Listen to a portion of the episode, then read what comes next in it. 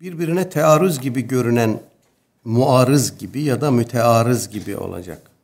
Gibi görünen aşağıdaki hadisleri nasıl anlamalıyız? bir taraftan ümmetin şirke düşmeyeceğinden bahsedilirken diğer taraftan müşriklere uyulacağı ve putlara tapılacağı bildirilmekte. Bu hadisleri hangi izahla birleştirebiliriz? Ukbe bin Amir radıyallahu anh'tan rivayete göre Resulullah sallallahu aleyhi ve sellem aradan 8 yıl geçtikten sonra Uhud şehitlerini ziyarete gitti. Ölü ve yaşayanlara veda eder gibi onlara dua etti ve konuşmak üzere minbere çıkarak şöyle buyurdu. Ben sizin şirke düşmenizden korkmuyorum ama dünya hırsıyla birbirinizle yarış edip çekişmenizden korkuyorum. Bukhari Müslim.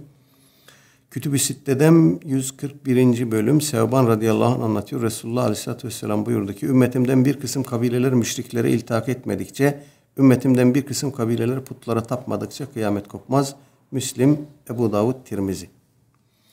Sahih-i Müslim, Devs kabilesi tekrar Zül Halasa putuna tapmadıkça kıyamet kopmaz. Bunu da zikreden hadisi zikretmiş. Bunların arasını nasıl e, bulacağız diyor. Bu birinci rivayet, yani ben sizin şirke düşmenizden korkmuyorum rivayeti, ümmetin toplu olarak Hristiyanların şirki gibi, yani toplu olarak ümmetin şirke düşmesi kastediliyor burada. Bu ümmet artık böyle bir e,